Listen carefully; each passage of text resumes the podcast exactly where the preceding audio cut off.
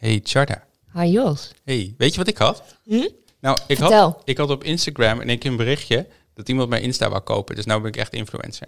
Ja, want jij hebt zout gewoon als naam, hè? Ja, zout. Ja, Ja, dat is geld waard. want er is een van de surfboardmerken, dat heet ook zo. En eh, hoeveel kreeg je ervoor? Het openingsbod was eh 350 euro. En waar ben je op geëindigd? Nou, ik heb gezegd ik wil 35k. En anders doe ik het niet. dus die gast die zei echt zo, hoe is het verder met je? dat is net zoveel als een auto.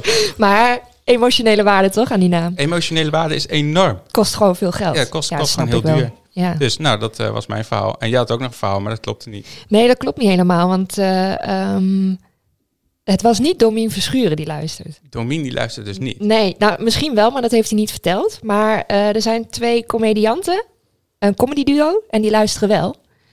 En, En- en die komen optreden Ja, in episode 20. ja, Bij klopt. mij in de achtertuin. Ja. Dus Nou, dat, dat wordt heel erg leuk. Maar daar gaan we straks wat meer over vertellen. En dan zal ik ook zeggen wie het zijn. Oké, we gaan los. This is the 20 to 12 podcast. Available via the Apple Podcast app, Google Podcasts, and Spotify. Your source of local tech and media news, live interviews with friends of the show, and lots of uneducated opinions. Presented live from Groningen, the Netherlands. Here are your hosts, Jada Polderman and Joshua Paper.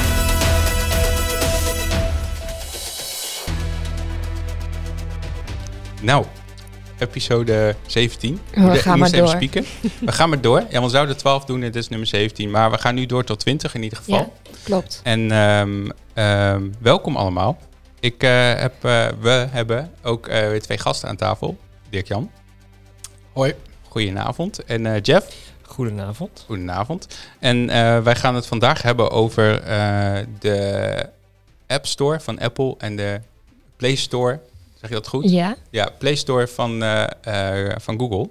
En over de macht die ze eigenlijk hebben over ehm, eh, de mensen die apps publiceren op hun platform. ja, maar daar valt heel veel over te vertellen, hè? Dat, dat, is, dat is een heel verhaal op zich, ja. Ja. Dus ehm, we dachten van, ga het daar eens over hebben. Want er was ook wat ophef over Hey en zo. Ehm, ik weet niet of iedereen zeg maar, de, de techmedia een beetje volgt. Maar er was veel ophef over. Maar we hebben nog even wat eh, dingen die we moeten wegwerken van vorige keer. Ja, dat klopt. We moeten nog een boek Van die weggeven. openstaande dingen. Ja, we moeten een boek weggeven. Ja, Van Ja. Linda. ja, klopt. Linda heeft een boek aan ons gegeven. Ja, Haar boek. Vriend van de show, Linda. Ja, eh, wij mogen dus één exemplaar. Ze heeft er twee meegegeven, maar eentje mogen we houden en eentje mogen we weggeven. Ja. Ehm, en dat boek eh, is voor haar. Dat, gaat, eh, dat heet Seksleven. Het gaat over liefde, seks, relaties, seksualiteit en taboes. Mhm. En de vorige keer hebben we gezegd van nou, als je dat boek wil winnen, moet je even een voice memo met ons delen. En eigenlijk vertellen waarom zou jij dat boek nou in huis moeten hebben. Ja, ik ga het dus ook nu voor het eerst horen. Hè? Want we hebben een grote grabbelton gemaakt met briefjes. En daar heb jij Ja. uitgekozen. Ja, want we hebben het binnengekregen via Instagram. Nou, Mhm. volgens mij staat die niet op jouw telefoon. Nee, Nee, ik weet het wel goed niet. nee dat weet Nee. ik. Ehm, dus eh, ehm, ja, ik heb dus een voice memo. Nou, Zal ik die afspelen? Ja, Zal ik eerst zeggen wie het is? ja, ja, zeg eerst maar wie het is en dan de play. Oké, eh, haar naam is Bente. Ja. En ehm, nou hoop ik dat dit allemaal goed werkt. Maar zij zei dus het volgende. Hij, hij speelt niet af. Wat is dit? Oh. Oh, wacht, nu wel. Maar ook op Bluetooth? Ja, toch? Oh, techniek, hè. Dit gaat altijd weer zo goed. Waarom hebben we alles geoefend van tevoren en dit niet? Dat is Nou. altijd zo, hè? Maar ik druk op het play-knopje. Zullen we gaan, Jeff? Ik vond het eh, leuk. Ja. Eh, Dit is heel raar, maar hij speelt hem gewoon niet af. Kijk, Is ik laat dat... het even zien. Oh ja. Ja. Oké, maar Bente had dus wel een heel verhaal. Ik weet het wel een beetje. Eh, maar zij volgt Linda dus al heel lang. Mhm. Kijk, zie je, dat, dat hoor je dan Hè? wel. Dus dat doet het wel. Komt door Instagram. Oké. Nou, Bente die volgt Klote Linda... Mark Zuckerberg. Ja. Die volgt Linda al heel lang. En eh, eigenlijk kwam het erop neer dat, eh, dat zij dat boek wel eh, heel graag in huis wilde hebben. Ehm, dus dat boek komt haar kant op. En eh, heeft ze ook eh, eh, postinformatie achtergelaten of komt ze hem ophalen? Of hoe gaan we Ja, dat ik heb haar beloofd dan later nog wel even contact op te nemen. Mocht zij dan een boek winnen, dat ik dat dan wel verder regel. Oh, Oké, nou Dus- hartstikke goed. Top. Dan hebben we nog, nog iets anders. Want we gaan aan het einde van de Ja. show gaan we nog twee kaartjes weggeven. Dus, oh, wat nou zijn ja. we vrijgeven? Wat, het is net Nou, Sinterklaas. Je mag ze ruilen met ons tegen iets, maar dat, dat, dat komt aan het einde wel. Maar het heeft te maken met Man de Man de podcast. Ja. Dus eh, als je, even kijken, Eh, 20 september. Ja, 20 september, 20 september om Kwart- acht- eh, kwart over acht. kwart over acht. Toevallig niks te doen hebt, dan kan je misschien met ons mee naar Man Man de podcast opname in de stad Schouwburg in Groningen. Ik zou het wel weten. Ik zou het ook wel weten. Dus dat. ehm, en dan eh, eh, kunnen we gelijk door naar. We lopen nu al uit. Kunnen we gelijk door naar de uitslag van de challenge. Want wij hebben eh, Ik heb hem hier nog liggen op tafel. Dat rare ding. het, het toetsenbord zonder knoppen. Ja, ehm, en met- muis. en muis, die je om je hand heen kan doen om te kunnen typen. Maar hier hebben we een opname van gemaakt, want Jorik die is jarig vandaag. Ja. Dus die wou niet bij ons aan tafel schuiven. Nee. En hij wou ook niet bellen. Nee, want hij, hij heeft zijn verjaardag vanavond. Dus Ja. eh, ik, ik, volgens mij drinkt hij al wel wat bier. Of wij. Denk je? Ja, ik gok erop. Oké, dan eh, even kijken. Ik had dat hier eh, opgezet. Ja. En ehm, dan gaan we denk ik even luisteren. Moeten we eerst even terug in de tijd, toch? Of niet? Ja. Hoe was het ook alweer? Deze.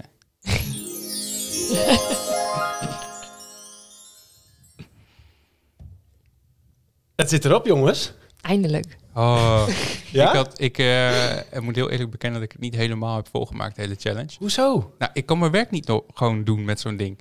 Ik Oh. kan niet, zeg maar, eh, de, mijn, programma, eh, mijn prog- prog- programmeerwerkzaamheden kan ik gewoon echt niet doen, zeg maar, met hekjes typen en dat soort dingen met zo'n Ja, met zo'n laten we even, zeg maar, Ja. we gaan even terug naar twee weken geleden. Toen Ja. hebben jullie de Tapstrap 2 gekregen. Klopt.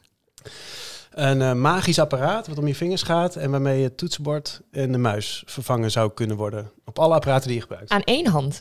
Aan één hand. Ja. Aan één hand. Ja, ja. dat was het eh, unieke eraan. En dat muizen ging het best. Life changing las ik. Ja, ja. nou, dat, het, Nee?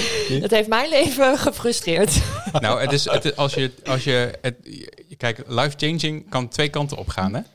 Kijk, als je in een, rol, in, als je in een rol, eh, rolstoel komt, dan is dat ook life changing. Ja, het is niet maar dat maakt, het niet, dat maakt het niet positief. Nee. Nee, dat snap ik wel. Maar vertel eens even, wat, wat, eh, want Charlie, jij hebt de eerste week gedaan. En Ja, eh, ik ben begonnen. Ja, en ehm, ik was de volgende ochtend op kantoor en toen werd al meteen gezegd, hé, hey, waar is dat ding? Maar toen was die leeg. Hij moest eerst opgeladen worden. Dus dat duurde al eventjes. En er, er hoort dus een app bij. Eh, er zat een heel uitgebreid boekje bij, was wel leuk. En in, dat, eh, in die app zaten ook, moest je verbinding maken met, de met de Tapstrap. En dan kreeg je ook allemaal spelletjes. Maar je kon dus ook zelf helemaal dat ding instellen van oké, als ik met mijn duim dit doe, dan moet jij de letter A of de letter B tonen. Je kon hem helemaal optimaliseren zoals je het zelf wilde. Maar ze hebben dat ook al voorgeprogrammeerd als het ware. En je hebt dus eh, bepaalde functies die je dan moet doen en met gebaren. En dat was wel echt zo moeilijk. Dus er zaten ook allemaal spelletjes bij. Maar en hoe doe je dat dan? Moest je op, op Ja, het tafel werkt- of in de je lucht? hebt dan of- aan je hand zitten eh, vijf ringen, om elke vinger één. En eh, om je duim zit de grootste ring. En die heeft twee functies. Dus als je hem plat op tafel legt, dan is het je muis. En kun je gewoon heen en weer eh, vegen. En dan op je beeldscherm zie je inderdaad dat de muis beweegt. Ja, dan is het letterlijk alsof je met je hand een Ja. muis vast hebt en dan kunt klikken met je Dat vinger. gaat echt zo goed. werkt het. Dat dat, ging- dat ging heel goed. Dat ja. ging heel goed. Dat vond ik ook echt dat ik dacht, dit is cool. Dit is life-changing. Totdat je hem als toetsenbord moet gebruiken. Ja. Want dan gaat dus je hand of je duim gaat dan van tafel af. En dan moet je dus met je vingers tikken op tafel. En heb je een soort eh, codetaal van Ja. welke vinger wat is. En eh, Ja. al die letters moet je dan typen. Die moet je dus uit je hoofd leren. Nee joh. Ja, al die, al die combi- combi- combinaties moet je uit je hoofd leren. Nee, dus jullie hebben gewoon zitten studeren ook. Nou, ik was, dus, Oh. ik was dus anderhalf uur daarmee bezig. Nou, toen had ik het een beetje onder de knie. En toen dacht ik van, nou, ga ik morgen weer verder. En toen wou ik weer daarmee verder gaan. Toen dacht ik echt van, ja, maar hoe was het ook alweer? Dan kun je gewoon helemaal van scratch af aan beginnen. het heeft een ontzettend steile learning curve. Ja, Ehm, eh, en als je het onder, onder, onder de knie hebt, dan kun je nog steeds niet zo snel typen Maar ik als op het vind toetsenbord. 26 variabelen met vijf vingers. Dat zijn wel, dan moet je wel bepaalde. ja want dit is leuk. Leg je hand maar eens op tafel. En dan moet je de eh, moet je, je eh, wijsvinger en je ringvinger tegelijkertijd bewegen zonder je middelvinger te bewegen. Ja, jij kan dat dus. Ja, dat, maar het is wel lastig. Ja, ik kan dat dus niet. Ik heb geen pianovingers, hoorde ik dus later. Kun jij dat ook? Ja, ik, eh, nadat ik het mee wezen oefenen, kon ik het, ja. En je hebt dus ook in die ehm, app zitten ook allemaal spelletjes om dit te doen. Dus je was al heel erg bezig om het te leren. En dus die spelletjes uit te spelen. En op een gegeven moment had ik dus zelf het woord hallo kon ik dan zo in één keer achter elkaar doen.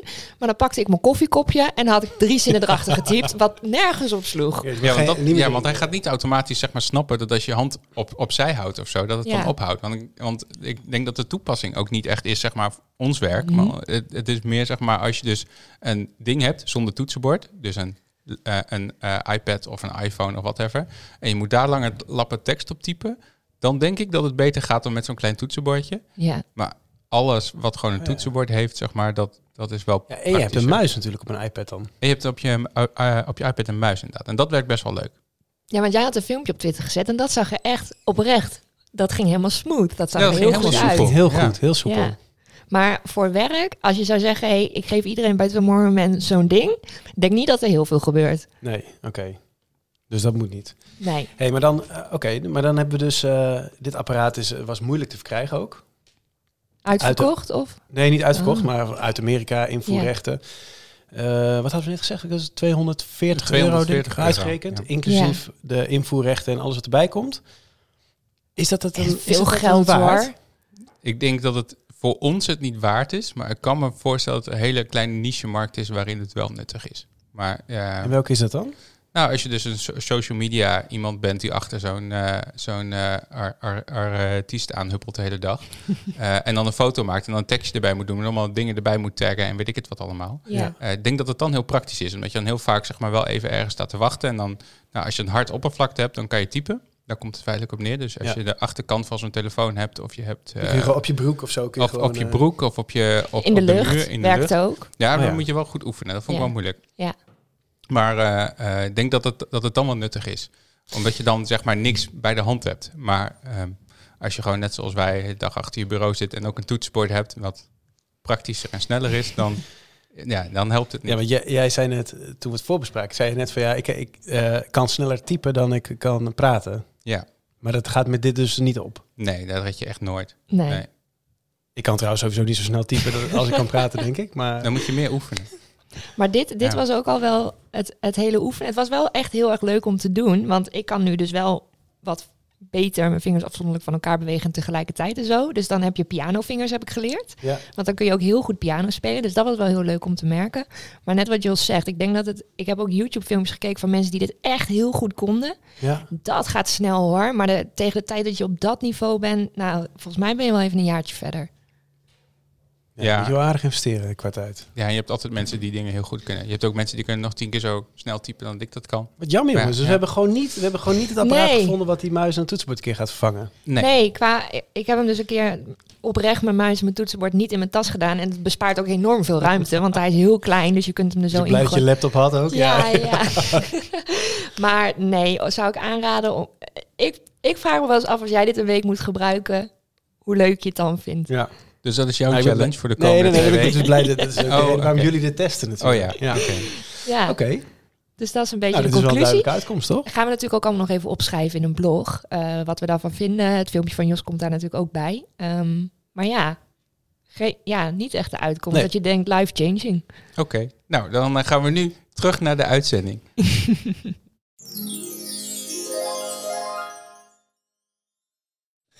Even, ik was even de schrijfjes vergeten.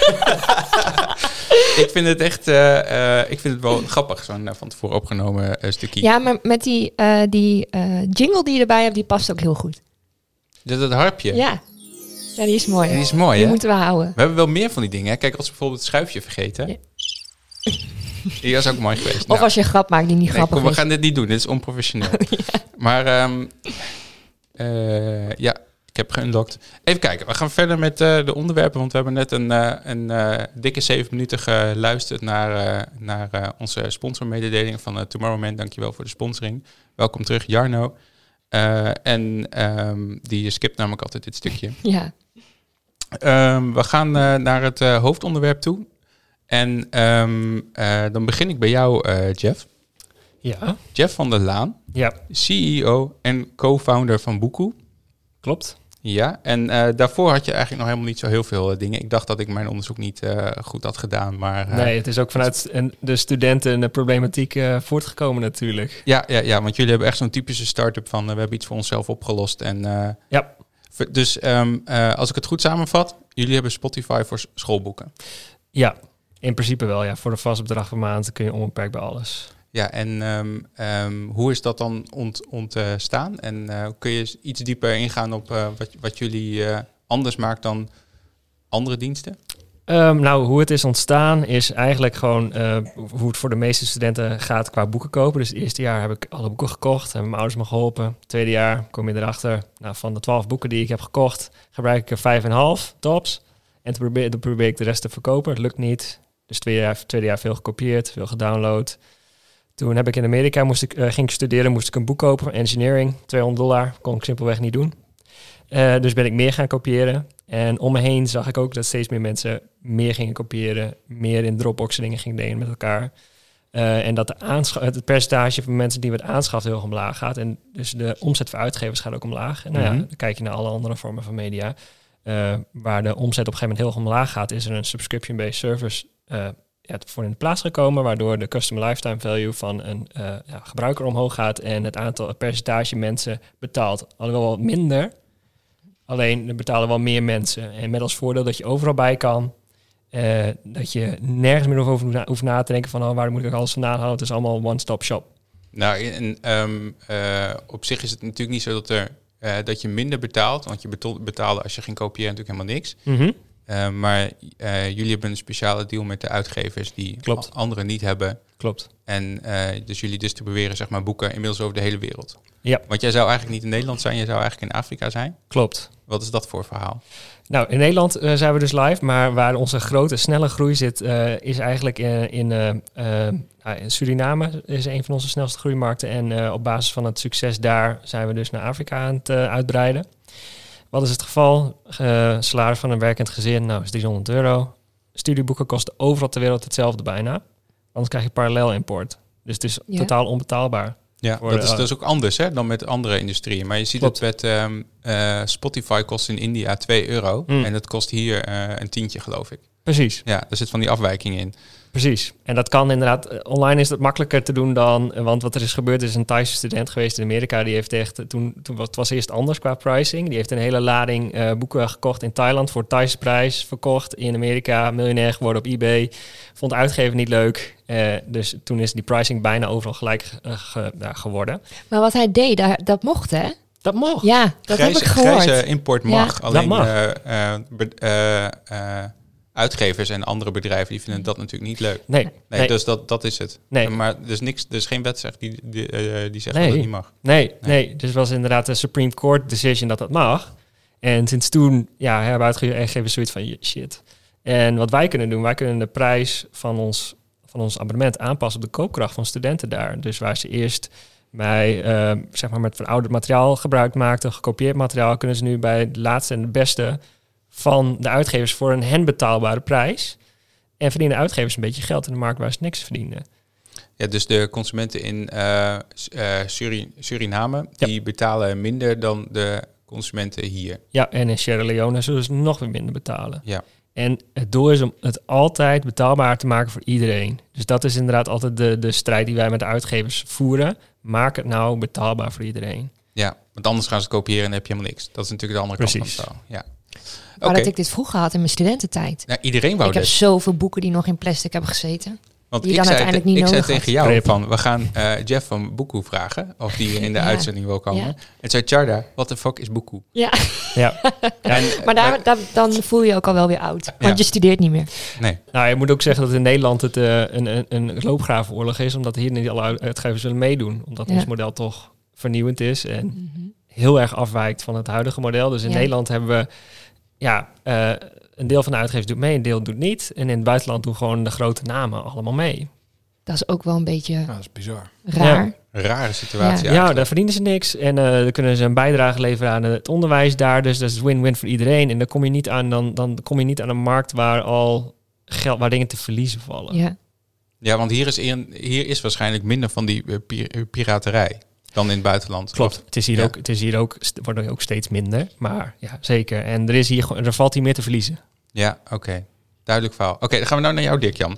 Want eh Dick-Jan Huizing, ex-CEO van eh Peperzaken. En wij waren... wij zijn nog steeds compagnons op sommige bedrijven trouwens. Dat is ook apart. Dat, dat bedacht ik mij vandaag pas. Want ik wou, ik, ik wou Ja? dus opschrijven, eh, ex- ex-compagnon, maar dat is helemaal niet zo. En eh, eh, tegenwoordig ben jij eh, inhoudelijke coördinator werkplaats voor digitaal vakmanschap bij het Noorderpoort. Dat klopt. Het staat niet op je LinkedIn. Dat is wel ook een hele titel, zeg. Ja, het, eh, wat, wat zei ik hier nou voor, voor, de uitzending? Het is, meer, het Ja. is, een, eh, een, het is een langere titel dan het aantal dagen dat je daar bent. Nou, dat klopt. Het zijn twee dagen in de week. Ja, Maar, maar, wel heel erg leuk. Wel heel erg leuk, ja. En ehm, ehm, je hebt je eh, LinkedIn niet bijgewerkt omdat je de communicatie te moeilijk vindt. En dat is waarschijnlijk het eh, oproepje, of niet? Nee, dat is, Nee, niet, oh, dat is eh, jammer. Oké. Nee, dat is niet de reden. Ik dacht, nou komt het. Ehm, wij kennen elkaar al heel erg lang. Wij hebben ooit een keer een. ik heb ooit een keer een webshop gemaakt met mijn vader voor jouw vader. En zo kennen wij elkaar. En eh, wij staan nogal in het Dagblad van het Noorden als twee broekies eh, met een korte broek, broek en een Ja, t-shirt, wat- geloof ik. Wacht even, hoe lang gaan we nu terug? Ja, we gaan nu terug naar eh 2006, 2005, 2006. zoiets. Ja, 2005, Ja. 2006, zo'n Wauw. beetje. Heel lang terug. Ja. En Niet eh, zeggen dat we oud zijn. Nee, ik zeg niks. nee, eh, Jorik, die is pas oud. Zo, Ja, daarover Jorik gesproken. 34. Die is- Nee, nee, nee, 28 is hij geworden. ja, ja, ja. Vandaag, Hij hè? heeft mij gecorrigeerd. Ja. Ja. We hebben hem nog niet gefeliciteerd. Nee, Ik dat gaan we, dat gaan we aan het einde van de aflevering wel even doen. ja, je weet wat ik vind. Ja? ja? Je- eigenlijk moet je wel even zingen voor je baas. Nee, nee, nee, nee. Niemand wil mij horen zingen. Ook niet door deze microfoons. Ik heb ook al voor Jorik gezongen. Oh ja? Ja, online in een Zoom-call. Oké. Dat super. klonk echt ook voor geen meter. Oké. Dus nou, dat wilde hij niet nog een keer. In ieder geval Jorik, gefeliciteerd. Met je 28 Zullen we teruggaan naar het eh, programma? Ja, sorry. Nee, geef verder Nee. Of wil je nog even verder? maar eh, dat gaat, we gaan dus heel ver terug. En eh, ooit in ehm 2007, 2008... toen eh, ehm, hebben Dirk-Jan en ik de handen ineen geslagen... om peperzaken beter op poten te zetten. Ik was ooit oprichter, zeg maar, als eenmanszaakje. En eh, ehm, zijn we serieus gaan in- ingestapt op de webwinkelindustrie. Tot zomer 2008. Toen kregen wij iPhones, iPhones in onze handen en toen dachten we, ah, dit is wel, dit is wel een mooi spul. En eh, hier kunnen we vast wel wat mee. Toen eh, hebben we in een eh, paar dagen, ja, denk ik, een paar dagen hebben we een nu.nl app in elkaar gehackt. En eh, op ons flikker gekregen van eh Sanoma Media toen het af Ilse Dat was Media een beetje een guerrilla-actie, Dat was een guerrilla-actie. Ja. Klopt. En eh, toen gingen we dat even in de publiciteit brengen bij tweakers en eh, nou, wat van die blogs en zo. En eh, toen hadden we in één keer hartstikke veel traffic erop en eh, werden we op het matje geroepen in eh, Amsterdam. Mhm. En eh, in plaats van dat we op ons flikken kregen, kregen we onze eerste iPhone-app bouwopdracht. Zonder dat we een idee hadden van hoe je een iPhone-app maakt. We hadden eigenlijk ook niet echt een app gemaakt, hè, de eerste ronde. nee, het was gewoon een website. Het was een mobiele website, maar die was helemaal geoptimaliseerd naar de UI van, de, van, van iOS. Ja, en we kregen de, de ads niet gepoord. En daardoor eh, hadden we dan maar eruit gehaald. En eh, da- daarom waren wij super populair. Omdat we dus de nu-app hadden zonder advertenties. Ja, dan win je het al wel heel snel. En als je dan Jos hoort zeggen, we kregen het niet geport, bedoelt hij eigenlijk, we hebben dus bewust advertenties eruit gelaten. Dat vonden ze niet zo leuk. Nee, dus eh, daar. eh, en, eh, maar ik moet, we hebben wel drie jaar lang eh, de nu-apps eh, gehad zonder advertising erin. Eh, omdat eh, al die advertering. Eh, eh, advertentie. Je maakt er ook wel... eh, advertentie eh, tegenbedrijven. Die eh, hadden. wat vind jij van advertenties? Nou, ik weet wel hoeveel werk wij daarvan hadden. Want ehm, eh, we hadden toen te maken met eh, telefoons die eh, een processor hadden van eh, 300 megahertz. En eh, 64 megabyte eh, werkgeheugen. En eh, dan kwam er een advertentie binnenrollen die eh, eh, 100.000 kilo JavaScript eh, in, eh, inladen. En dan weet ik veel verkeer over die 2G-verbindingjes naar binnen haalde. Nou, dan was het echt niet meer, niet meer bruikbaar. Dus eh, wij waren altijd heel erg op de user gefocust. En ik denk dat dat eh, was waarom wij eh, op het laatste eh, groter waren dan de anderen. Ik kan me nog herinneren dat een van de eerste interactieve banners eh, die wij gingen maken was voor de, volgens mij voor de postcode loterij of zo. Met zo'n Vodafone, toch? met Met zo'n die- auto. Die gingen we zo'n zoeklicht over die auto heen als je, de, als je het scherm ging bewegen. Ah, dat was echt killing voor eh, de processor. Dat, dat kost ons meer tijd dan die app bouwen van nu.nl, zeg We maar. hadden die nu-app gemaakt. En dat was, Ja. eh, dit was voor de iPad was dat toen. Toen was de, werd de iPad geïntroduceerd in Nederland. En wij kregen al early access eh, tot de SDK's bij Apple... om alvast een nu-app te maken voor de iPad. Zonder dat we een iPad hadden. Dus we hadden alles lopen vormgeven en zo. En toen gingen we het uitprinten op schaal van hoe groot dan een iPad-scherm was. Alles veel te klein. Dus eh, toen moesten we alles groter maken. En eh, allemaal van dat soort dingen. Ja, maar je hebt, je, hebt, je, je, je referentiekader. kijkt op je scherm en je denkt van nou, Mhm. 7, 7 8 inch, wat was het? eh 9 inch, zo, zo, zoiets was zo'n scherm. Maar de, de pixel density was heel anders. Dus in het echt was het, eh, was het veel kleiner dan wij eh, dachten. Ehm, en ehm, toen hebben we twee weken gestopt in het porten van de iPhone-app naar eh, de iPad. En toen nog drie weken in het maken van een advertentie-launch-campagne voor nou, Postcode Loterij, Vodafone, ik weet het niet meer. Het was iets met een auto en die ging allemaal kleine stukjes opbreken. En die moest helemaal geanimeerd over het scherm heen. En ja, dat, ja, was hoopwerk. advertentiebedrijven, ja. We hebben nog best wel lang tracking dingen proberen tegen te houden en zo. Maar op de duur wou, wou ze dat niet meer doen. Ehm, goed, dus daar... Maar, eh, maar peperzaken was wel, die bestond langer dan drie jaar. eh, je Ja. bedoelt nog voordat Dirk en ik elkaar kenden. Nee, nee, Of- nee. Daarna. Daarna nog. Ik weet nog dat wij 12,5 jaar jubileum hebben gevierd. Oh, zo. Ja, zeker weten. Ja, dat klopt wel. Ja, Ja. tot eh, 2016. Toen eh Dirk en ik bedacht hadden om het te verkopen aan Bel Simpel, aan Jeroen en Jeroen. Ja. En eh, nu zitten we hier. nu ben je podcast-host. Nu ja, ben je shit, podcast hé. host en heb ik verder geen werk. Nee, En tafelgast, ja. Ja. Cheers. ja. Nee, jullie hebben genoeg te doen, joh. Ja, nee, ik heb hartstikke Ja, druk. ik Ja, net Dirk, zeggen, Dirk heeft allemaal het ook andere veel drukker leuke dan dat hij nu doet voorkomen hoor. Ja, dus dat is ook niet helemaal eh, de, Nee. de, twee dagen werken en verder Nee. niks doen. Ik vond het wel een hele leuke tijd, peperzaken. Ik ook. Ik, heb denk er altijd- echt nog heel graag aan Ja, terug. ik kwam laatst nog een foto tegen van eh, toen wij in eh, Berlijn of Warschau, ik weet Warschau was dat. Met Warschau. die, eh, ja, klopt. Dat was, eh, dat was episch. Ja. Ja, ik, ja, maar eh, we hebben wel meer mooie dingen meegemaakt. Ik bedoel, dat was echt mijn beste stageplek die ik me überhaupt kon wensen. En eh, ik denk dat ik dan dankzij jullie ook nog steeds hier zit. Het was een hele goede welkom in Groningen volgens mij. Ja, Ja. Ik voel me gevleid. nou dat is ook wel echt zo hoor. Ik weet nog, de, de eerste week dat ik stage liep bij Peperzaken, toen was jij een weekje on the road of zoiets. En toen zei DJ van, we gaan vrijdagavond naar Soesdijk. Na de Vrijmibo op kantoor. En daar heb ik jou voor het eerst gezien. Na vijf dagen dat ik stage liep. Dat gebeurde dus vaker, hè? Ik heb dat met meerdere mensen die stage liepen, heb ik dat meegemaakt. Dat ik in de Soest of in de Shooters het voor het eerst, zeg maar, diegene ontmoette. Ja, ja, Ja. ja, want Dirk nam altijd mensen aan gewoon van, oh nee, is goed. En eh, Ook in de kroeg. Nou, ik moest echt mijn best doen. nee, jij, wel. Oh, Ik denk dat er veel mensen zijn die daar wel anders over denken, Jos. Nou, nee, we hebben wel eens gehad dat eh, eh, eh, developer Richard, die eh, ook vriend van de show, Mhm. die, eh, wij zaten aan tafel en jij zei van, nou goed, je bent, eh, je bent binnen. En toen dacht ik van, eh, moeten wij dat niet even overleggen of zo? gouden, gouden kerel natuurlijk, dus dat was het punt helemaal niet. Maar dat was meer van, eh, eh, oké, oké, dacht ik toen.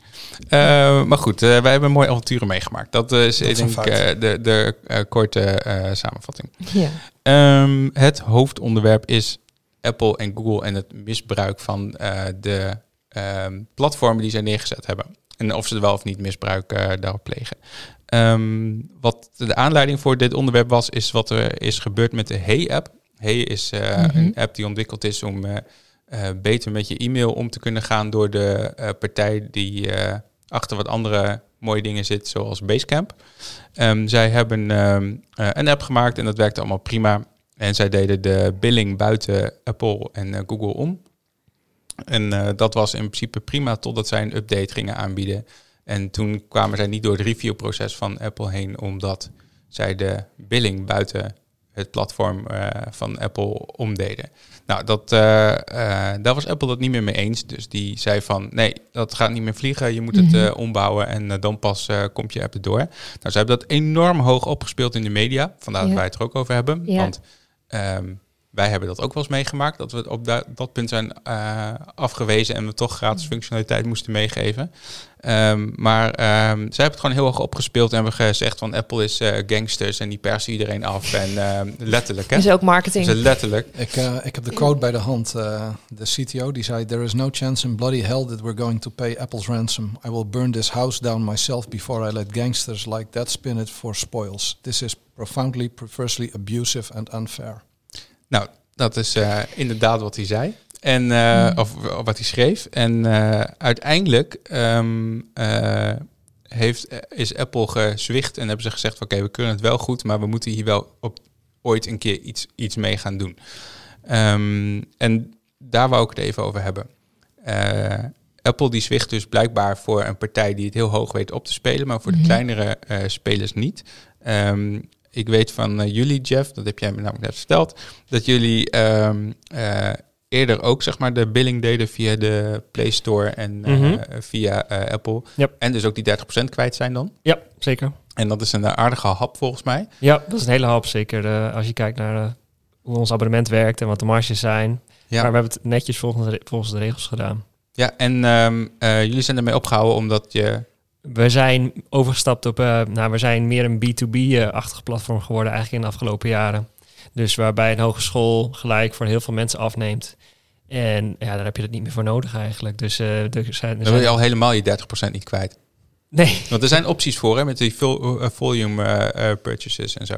Ja, ja, nee, maar de, die, die payments die wij processen, zeg maar, die eh, kunnen niet eh, op die manier gedaan worden. Dus eh, we zijn daarvan afgestapt. We, we hebben echt nauwelijks gewoon, we, doen nog nauwelijks gewoon abonnementen eh, B2C eigenlijk. Meeste is echt allemaal gewoon hogeschool die schaft het aan en voor iedereen en dan had ze flat. Zo Ja. gaat het. Want voor jullie is dat natuurlijk veel chiller om minder klanten te hebben die eh, eh, toch meer omzet maken. Klopt. En in, Ja. ja. zeker in, in een hele hoop landen, zoals nou bijvoorbeeld in Suriname, dan moeten we gewoon echt cash payments gewoon processen. Dus komen Ja. mensen gewoon met flappen naar de, naar de school toe. En dan, dan, is dit, dan is dat gewoon de enige manier om dat gewoon te processen. En hetzelfde zou gelden in een hele hoop Afrikaanse landen. Maar voor studenten ook wel fijn als het gewoon via school wordt aangeboden. Ja, precies. En de school weet dan, oké, van de 50 man heeft niet één boek, maar iedereen heeft het. Ja, Dus, eh, en het is veel, het kost ze geen cent. Alle docenten krijgen het gratis. Dus ja, Oh, dat is jullie model. Jullie geven het gratis weg aan de Yep. docenten en dan...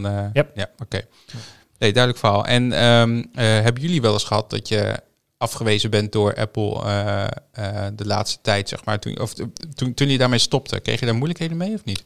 Nee, eigenlijk niet. Nee, we hebben eigenlijk heel weinig problemen met dat soort dingen gehad. We hebben gewoon, ehm, ja kijk, we zijn een kleine speler. We hebben gewoon alles volgens de regels gewoon zoveel mogelijk gespeeld. Dus eh, weinig problemen mee gehad En eigenlijk. wat, wat, eh, wat, wat vond je ervan dat anderen dat niet deden? ja, Zoals, eh, Spotify die regelt alles buitenom. ja, maar die hadden eerst zelfs ook dat de Ja. app duurder was. Als je hem kocht, als je een abonnement aanschafte via de iOS-app, dan betaalde je meer. Ja, dat was bij Netflix ook zo. Ja, dus had betaalde je het vroeger ook. 15 euro, dacht ik, zoiets. Ja, aardig bedrag in ieder geval. Ja, ja, ja, ja nou, dat, dat is in principe ook gewoon zo. Ja, dat, dat mocht. Ja, maar dat mag nu niet meer, hè? Die Nee. regels zijn nu aangepast. Ja, ja, ja, Toen die regels zijn aangepast, Precies. Spotify ermee gekapt en eh, Netflix ook. Ja, precies. Ja, wat ik ervan vind. Kijk, de weet, Apple en ook Google, oh sorry, Google, die hebben natuurlijk, die bieden echt een mega goede infrastructuur eh, waar iedereen heel gebruik van maakt. Ehm, vind ik dat is 30, ik vind 30% wel heel gortig, dat wel, ja. Ja, want dat is, dat, toen met die wijziging is het ook veranderd van het eerste jaar 30% naar eh, het tweede jaar nog maar 15%. Ja. Maar nog steeds wel een aardige eh, Ja. slok. Ja, ja.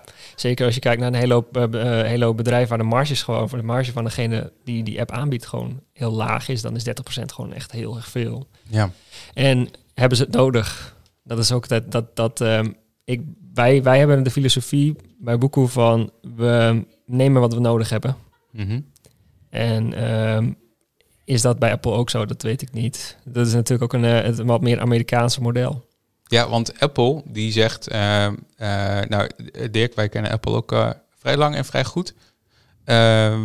Eh, die zegt van, wij hebben uit het niets hebben wij een heel platform uit de grond getrokken. Hm. Eh, wij hebben een, eh, allemaal SDK's gemaakt en eh, wij bieden, als, je, als jij je app gratis aanbiedt, dan bieden wij al die tools eh, voor, eh het is het 99 dollar per jaar, bieden we dat aan. En, ehm, maar zo ga je mon- monet- monet- mo- monetization gaat doen op jouw software, dan moeten wij een piece of the pie. Ja, ik denk dat het wel goed is voor eh, de luisteraars om eh, even te duiden waar het over gaat. Er zit een sectie eh, in de Apple voorwaarden, dus 3.1.1 en 3.1.3. En die worden in de developmentwereld ook wel de Wheel of Misfortune genoemd. Oftewel, je schiet je app in bij Apple voor review. En dan is het alsof je aan zo'n groot rad draait en dan komt er een prijs uit. En in dit geval is het, je app wordt afgekeurd of je app wordt goedgekeurd. En daar is heel veel commotie over eh, dat men dat dus dat beleid oneerlijk vindt. En die, eh, de, de uitzondering voor Spotify en voor Netflix, dat noemen ze reader apps. Dus dat zijn ehm, eh, applicaties waarvan men gezegd heeft, je hebt een subscription op een bepaald model en dat heb je buiten de, de App Store om, dus je logt alleen in. En het grootste probleem wat Apple heeft is als het om consumer goods gaat, eh, dan willen ze dus 30% van de pie. En enterprise willen ze dat dus niet. Dus wat jullie nu doen met B2B, dat zal ook niet heel snel bij Apple tot gefronste wenkbrauwen leiden. Ja, en het vorige eh, model wat jullie hadden, Jeff, het had dat natuurlijk wel. Ja. Dan had je daar moeilijk mee, eh, mee, eh, moeilijkheden mee kunnen, eh, kunnen krijgen. ja, daar hadden we ons moeten aanpassen eh, aan Ja. het eh de system. Ja. En ehm, ehm, wat vind jij daarvan, Dirk, dat Apple dat doet? Ehm, ja, vind ik wel een beetje lastig. Want aan de ene kant ehm, ben ik wel gevoelig voor het argument dat Apple zegt: ik heb een platform gebouwd en eh, ja, daar kun je gebruik van maken of niet. Aan de andere kant eh, ehm, betekent het natuurlijk ook dat er nu langzamerhand een monopoliepositie eh, ontstaat. Er zijn gewoon geen competitors. Niemand anders kan iOS distribueren op, de, op het niveau waarop Apple dat doet. Ehm, daar is dus nu ook een antitrustzaak gestart. Volgens mij zelfs ook in Europa, maar sowieso in Amerika, waar ze dat gewoon stellen. Dat het, ja, het is gewoon highway robbery, wordt er door de Senaat, eh, eh, senator gezegd die daar eh, verantwoordelijk voor is. En ergens begrijp ik dat wel, want ja, het is natuurlijk best wel veel. Als je kijkt naar de marge op een product en je moet 30% afstaan. Aan de andere kant zegt Apple, ja, weet je, we hebben dat altijd zo gedaan. Ehm, ze hebben nu ook niet Hey een uitzonderingspositie gegeven, maar Hey heeft een Tijdelijke go- goedkeuring gekregen. ja, maar omdat Hey zijn app veranderd heeft. En Hey heeft nu, als je het grote commentaar van Apple was bij de lancering van Hey, dat de app niet functioneel was. En een van de grootste voorwaarden die Apple stelt aan apps is dat ze functioneel moeten zijn. Dus als jij een app uploadt die achter eh, een gebruikersnaam zit, dan moet je de gebruikersnaam en het wachtwoord meesturen eh, bij, de bij het reviewproces. En dan kan Apple kijken wat voor functionaliteit erachter zit. En Hey heeft dat dus niet gedaan. Die hebben gewoon een app eh, gegeven waarbij je dan dus via de website ehm, eh, eh, eh, moest kopen. En toen zei Apple dat gaat niet werken. Dus wat heeft Hey nu gedaan? Die hebben een app gemaakt waar je een random e-mailadres krijgt. Dus er wordt gewoon voor jou een e-mailadres gegenereerd, waardoor je dus een gebruikersaccount hebt. En dan is de app dus functioneel. Alleen die app, of in ieder geval die naam, die is dus maar 14 dagen eh, live. En in die 14 dagen moet je dus naar de website gaan van Hey, een betaalde account aanmaken. En dan kun je er gebruik van maken buiten de App Store om. En hij heeft dat dus heel bewust gedaan. En de vraag is uiteindelijk nu wat Apple daar straks op gaat reageren. Ze hebben het om die reden nu goedgekeurd. Oké. Nou, maar wat vind je ervan dat Apple dat doet? Want dat was eigenlijk de vraag. Ja, dit was wel je- duidelijk. Was Dank voor de uitleg. Heel goed. Moet wel even volledig zijn. ja, precies. Maar ben je... eh, eh, want ik, ik vind persoonlijk dat... Kijk, Apple heeft wel een punt. Ik vind wel dat ze tariefstelling zou inmiddels wel een beetje gewijzigd kunnen worden. Want ik snap het, hè. Je bent een, eh, een nieuw platform. Je hebt, toen ze dit bedacht hebben, geïntroduceerd hadden... eh, hadden ze 8% marktaandeel of zo. Dus we hebben, dan, dat, ging nergens zo. De kosten waren relatief heel hoog. Maar het is nu 2020. Ja. Apple heeft in de Verenigde Staten eh, een minderheidsaandeel inmiddels. De 52% zitten ze, geloof ik. Eh, en Google een minderheidsaandeel. En daarom ligt, dat vond ik dus in het begin ook raar. Dat, dat, dat begreep ik ook niet helemaal. Maar wereldwijd heeft Apple een marktaandeel van 20%. En eh, Android een eh, marktaandeel van 80%. Maar in Amerika is het dus eh 52% Apple. En Ja. daarom liggen zij onder vuur als mon, mon, mon, mono- monopoliepartij. Ja, nou, En ik, vind Google in dus, mindere eh, mate. ik vind het dus lastig om daar echt een oordeel over te vellen. Omdat aan de ene kant begrijp ik Apple gewoon heel goed. Die hebben gewoon een platform gebouwd en die plukken daar nu de vruchten van. Dus dat is aan hun. Ehm, onder druk van de majority iets aan je product doen omdat men dat vindt, terwijl je als bedrijf daar niet achter staat. Het zou raar zijn als dat standaard eh, regel zou worden. Aan de andere kant ben ik ook wel gevoelig voor het argument dat men zegt van ja, hallo, eh, dit wordt een monopoliepositie waarbij ehm, geen andere aanbieders, hè, no competitors, is een van de, van de dingen die veel eh, ja, terugkomt. Dus Apple gaat dit niet winnen. Dat, dat staat voor mij wel vast. De vraag is alleen, gaan zij die 30% naar beneden halen, maar blijven ze een monopolist? Of gaat uiteindelijk de verplichting komen, zoals we dat vroeger ook hebben gehad in Europa met die browser-discussie, dat men dus verplicht... Die is eh, weer terug, hè? Die browse, eh die- browser-discussie. eh, die ja. is nu inderdaad weer terug, maar dat je, dat je gaat zien dat, dat Apple zijn platform open moet stellen eh, voor alles en iedereen. En dan dus op een andere manier op zoek moet naar een verdienmodel. Maar goed, de App Store doet 519 Ja, klopt. 590 Miljard. eh, euro aan, eh, of dollar, eh, Amerikaanse dollar aan omzet. Dus ja, weet je. Ja, per, per alles, hè? Dat is vanaf het begin. ja, is niet, niet per jaar. Nee, Ja, oké, maar wel aardig pittig. eh, ik vond het best wel veel geld. Ik zat ook net te kijken. Ik dacht, oh, ik, bedoel, neem ze het dus kwalijk dat ze op een of andere manier ja, tot het einde dit proberen vol te houden. Ehm, Maar is het handig dat ze het zo spelen? Nou ja, weet je, als de conclusie bekend is dat, zij, dat dit niet houdbaar is, en stel dat ze dat intern ook weten, dan hoe langer je het oprekt, hè, als zij nog drie jaar gaan eh, legal battelen, dan kunnen ze nog wel drie jaar de proceedings van die App Store naar zich toe trekken. Nou, vergis je niet, Apple heeft hele Fair diepe enough. zakken. Dus Ja. die kan, eh, Ja, eh, maar ik heb het gehoord. Maar over Ja. diepe zak gesproken, hè, want als zij die boete opgelegd krijgen van de Europese Commissie, dat is 10% van hun jaaromzet, dat gaat over 2019. Ja, dat is Da- gigantisch. Dan betalen ze 23,5 miljard, moeten ze betalen als boete. Maar het gaat toch over de eh, omzet wat ze in de Europese Unie maken? Of niet? Nou nee, ehm, Of alle omzet? ja, vanuit Oké. 2019. Maar de hoogste boete die ooit uitgedeeld is door de Europese dat is 4,35 miljard. En dat was voor Google. Ja. Ja, nou ja, andere kant is, Ja, is kijk, gewoon, eh, dan moet je hele diepe zakken hebben. nou, maar dat hebben ik. ze wel. We- we- dat ze eh, wel. Apple Cash? 150 miljard? Ja, zoiets. Ja, gewoon Oh, op de dat bank rekenen. Contantje. Ja, dat kan zo cash afgerekend worden zonder dat iemand er echt Kun mee je zo pinnen. Maar daar is natuurlijk nu ook wel ehm, eh, wat om te doen. Hè? Want eh, ik, ik, ik zat even voor te bereiden en toen hoorde ik een, eh, een, ook een soort van podcastachtige eh, aflevering. En daar werd gezegd, ja weet je, big corporates die gaan de strijd niet aan met Apple. Want die willen gewoon niet een, een, publiek geoffreerde, een beursgenoteerde organisatie. Die wil gewoon niet in een soort van legal battle met Apple terechtkomen. Dus die, die, die wagen zich er niet aan. En de kleine developers, ja, als Apple besluit om ze uit de App Store te knikkeren, dan raken ze hun huis kwijt. Dus de, daar, daar zit wel ergens een soort van eh, knellend eh, iets. Want ja, de kleine man die, ja, die, die wordt op de grote hoop gegooid en niet serieus genomen. En de grote die gaat eh, vanuit legal oogpunt niet de strijd aan met Apple. Ja, dan krijg je toch wel een beetje een scheve situatie. Wat ik wel opmerkelijk vind zelf, is dat deze regels rondom de App Store, die zijn er vanaf het begin. Mhm. Die 30% die is er Die, die is echt vanaf dag één. ja, die Ja. is er vanaf dag één. Dus eh, dat het eh, zo lang heeft geduurd voordat men nu daar opeens heel veel heisa over maakt. Basecamp trekt dat natuurlijk super eh, naar zich toe. En die zegt van ja, wij zijn de, de, de Mhm. David die opstaat tegen de Goliath. En eh, Ja, wij doen een dat. enorm marketingpunt volgens mij. Ja, Precies. maar die hebben natuurlijk zelf ook gewoon die spinnen in garen bij. Mhm. Ze hadden 20.000 eh, eh, geregistreerden gehoopt. En ze eind van de week eh, hoopten ze 200.000 aan te Ja. tikken. Dus weet je, Mm. Wacht, ik heb hier een bruggetje van. Want Jarno, Jarno Duursma, Ja. vriend van de show, die Ja. had hier ook een punt over. Zal die even luisteren? Ja. Dit is Jarno Duursma en ehm, ik ben spreker en auteur op het gebied van digitale technologie. Mijn vraag is als volgt. De commotie die de app Hey heeft gemaakt rondom de App Store, eh, hebben we daar niet stiekem ook gewoon een beetje zitten kijken naar een hele uitgekiende marketingstrategie? De eerste vijf maanden van Hey eh, hadden ze 30.000 eh, leden. En eh, daarna eh, in een week 70.000 erbij. Ehm, dus is dat niet een veel groter aandeel van het verhaal waar we naar hebben zitten kijken? Daar ben ik benieuwd naar. Ja, dat is wel eh, een voor de hand liggende conclusie. Dat zullen heel veel mensen natuurlijk denken. Achteraf, ge- Achteraf nu, ze, nu ja. ze er wel door zijn, is het natuurlijk Mhm. voor eh, Basecamp is het echt helemaal mooi. Ja, de, de CTO van, eh, van Basecamp, dat is David eh Heinemeijer.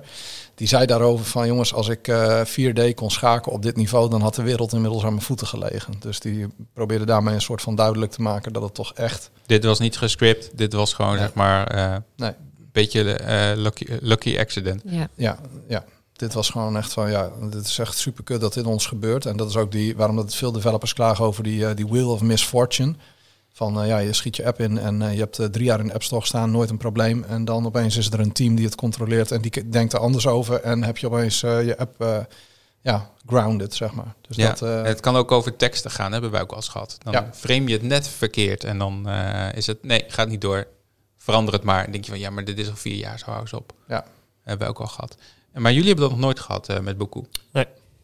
Dat vind ik echt Dat bizar. scheelt. Nou, ik, maar ik snap dat gewoon niet. Ik snap niet dat we dat nog nooit Maar fout Misschien gegaan één is. keertje inderdaad met wording, volgens mij. Maar dat was het ook echt wel. Het is echt... Ja, het gaat eigenlijk best goed. Chill. Dat heeft hij gewoon niet. Precies. Toen je me uitnodigde, dacht ik ook al van... dan ga je hopen dat ik een tirade ga houden. Maar ja, maar voor ons was er Nee, weinig nee, hand. helemaal niet. Nee, want ik... eh, Maar dat is ook een goed verhaal. Ja. ik, eh, het is tijd om een staatslot, eh, staatslot te kopen, Jeff. Je gaat winnen en je hebt geluk. Dit, ben ik al, eh, t- dit heb ik al vaak genoeg gedaan, maar het we- werd steeds niks. Nou, laat dit dan laat mijn eh, winning fortune iets zijn, of hoe je het ook wil noemen. Ja, nou, ik, ik hoop voor je dat het ook zo blijft gaan trouwens hoor. Dat, eh, maar ehm, ja? eh, ja, hoop je dat echt? Ik, ben, nee, ik, zie, ik zie, nee, ik zie hoop je wel. Oké, ja. nee, ik hoop dat echt Nee, oprecht. Oh, ik zit ondertussen namelijk even te kijken naar de onderwerpen. Dus dat, eh, ik was niet uh, Nee, maar ik zag zo je mond een beetje, een beetje lichaamstaal. Waarom Ik doe ben, je niet, nou ik, zo? ben niet, ik ben niet boos hoor. nou, dat voelt woest. wel een beetje zo. Jullie zitten te dicht bij elkaar.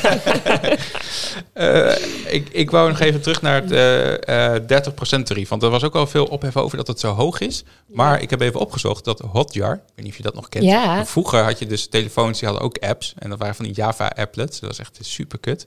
Ehm, vergeleken met nu. Eh, maar dat, waren de, dat was de eerste App Store. En die hield dus ook 30% in. En, en Dus- wat, wat is, is dat met Hotjar? Met Hotjar. Ja. Ja, daar had je dus zeg maar ook zo'n Oh. app storeetje. En dan kon je Ja. dus op je telefoon ook appjes kopen. En daar zat ook een betaalmodel achter. En Hotjar, die eh, hield eh 30% in. Maar de betaling ging via je operator.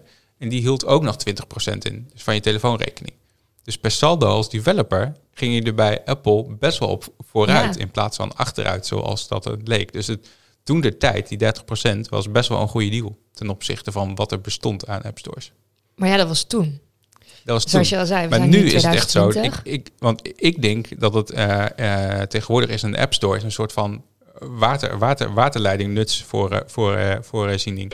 En, en je kunt inderdaad op geen enkele manier apps op telefoons krijgen bij Google. Kan het nu nog wel, maar dat wordt ook steeds verder dichtgetimmerd. Dus ik, ik zou zeggen van, nou, Google en Apple moeten even heel goed gaan nadenken over wat ze hiermee willen. Ja. En gewoon een, een eerlijkere, eerlijkere prijs gaan vragen voor de diensten die zij leveren. Ik kan me ook voorstellen dat ze zeggen van nou, als jij 100.000 downloads hebt, dan betaal je ook een fee voor alle dataverkeer en updates wat we doen. En per update die je doet, betaal je een kleine review fee. En dat, Mhm. dat een beetje meer naar een eerlijke prijs gaan voor dat soort dingen. Maar ja, Apple, betaalt niet zichzelf een fee voor hun eigen apps. Nee, dat is, maar dat is het Spotify-verhaal. Ja. verhaal hè? Dus, eh, maar ik wil eerst even terug naar het andere punt. Oh ja, oké. Eh, ehm, eh, want wat, eh, wat vind jij daarvan, Dirk? Ja, ik vind ehm, ehm, de 30% discussie best wel lastig. Eh, net als het vorige punt. Ik vind het hele onderwerp lastig in dat opzicht. Want in principe staat het Apple natuurlijk vrij om zijn eigen regels eh, daarin te Maar bepalen. is het inmiddels niet zo groot dat het ze niet meer vrij staat? Nou, dat, dat is dus nu de hele discussie. Hè? Want daar, de- hè, dat, zodra dat monopolievraagstuk komt, dan wordt dit interessant. Ehm, het onderzoek in Amerika van de antitrust eh, waakhond, dat richt zich puur op de vraag of er voldoende concurrentie mogelijk is. Dus die, die, die, die eh, wagen zich niet aan een waardeoordeel of 30% wel of niet een reëel eh, Mhm. ehm, eh, percentage is. Ja, en wat Apple daarover zegt, is hij zegt van... als jij niet wil distribueren met jouw applicatie via de, de App Store... dan maak je maar een webpagina, zo met van die workers op de achtergrond. Ja. En die zeggen, daar kan je ook bijna alles mee. Ja, maar dat is natuurlijk ook sowieso wel lastig. Hè? Want als je nu eh, bijvoorbeeld naar Jeff kijkt, en, eh, of naar Boekoe in dit geval dan. ehm, als je daar een model achter plakt, buiten de App Store om, dan gaat je adoptie ook minder snel. Omdat de App Store gewoon zo'n gigantische reach heeft. Dus je levert, levert weliswaar 30% in van iedere sale die je doet. Maar als je 30% inlevert, maar een miljoen meer sales doet dan dat je zou kunnen doen op Mhm. een eigen of een willekeurig ander platform. Klopt. Dan hè, er zit natuurlijk een soort van exponentieel groeimodel eh, eh, achter die App Store, waar je als developer veel minder effort hoeft te leveren voor veel meer resultaat. En dan moet je, als ik vind, als je dan eerlijk de boel om wil rekenen, moet je ook kijken naar je groeipotentie die je had kunnen hebben. Dus ja, ik vind dat lastig om nu te zeggen dat 30% te hoog is. Sowieso die discussie van wat is fair. Ehm, eh, dan, dan zou je haast moeten kijken naar, naar de uiteindelijke winstmarges van de organisaties achter eh, de dingen. Jullie, jullie, doen, jullie werken aan een supergoed doel. Ik zou eigenlijk zeggen, we moeten het zo in- inregelen met elkaar dat de boeken eh, in arme landen gewoon gratis gedistribueerd kunnen worden. En dat de, Europese gebruikers misschien een beetje meer betalen. Dat, dat is dan, als je het over fair hebt, dan Ja, nou, het is wel zo dat je ook met een, eh, een erekwestie ziet, hè, zit. Hè? Want in eh, Suriname hebben ze ook gezegd bijvoorbeeld van... wij willen best betalen, maar wel op een manier die bij wat voor ons te doen is. Dus ik denk dat het weggeven in Afrika... ik was daar eerst zelf ook wel, voor, bijvoorbeeld in, eh, in, in de ontwikkelingslanden. Maar ik geloof dat je ze beter kunt betrekken in het economische proces... op een manier wat voor hen werkt. Ja. Daarom werken bijvoorbeeld die microfinanciering ook heel goed.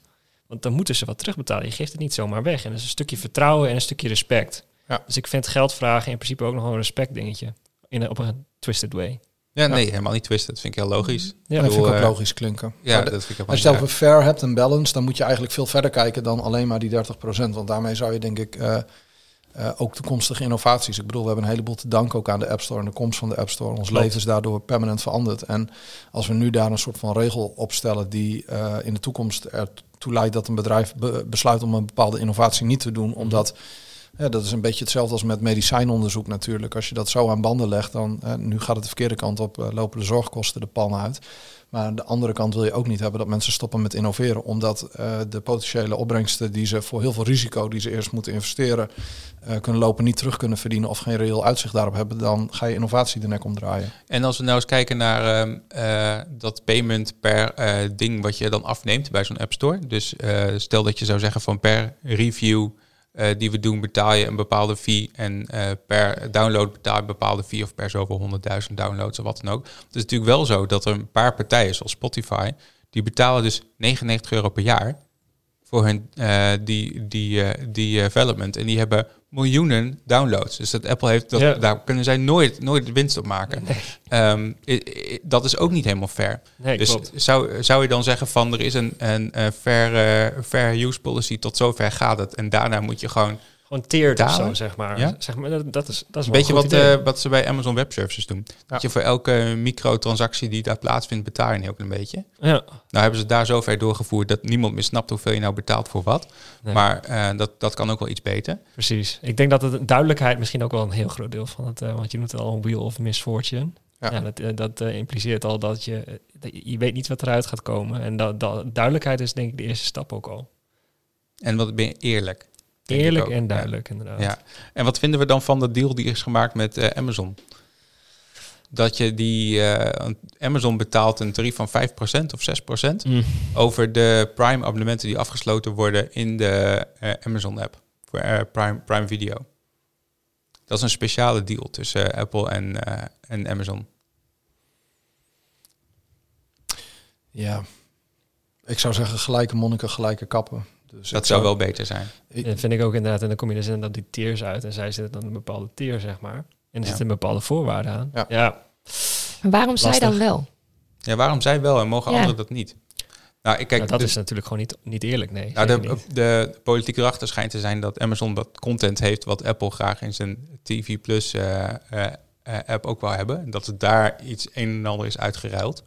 Oké. Maakt het verhaal niet beter voor Apple, vind ik trouwens. Eh, hoor. nee, nee, nee. is nee, een Een beetje handjeklap. eh, ja, dat, dat, dat had ik er ook een beetje bij inderdaad. Ja, Mhm. dat vond ik nog wel, ja, dat vond ik niet zo heel chill.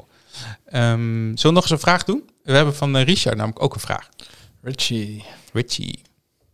Hallo, mijn naam is Richard en dit is mijn vraag. Het verdienmodel van de App Store krijgt steeds meer kritiek. Maar wat zijn de alternatieven? En zijn er voordelen aan het huidige verdienmodel? Nou, alternatief hebben we al een beetje gehad.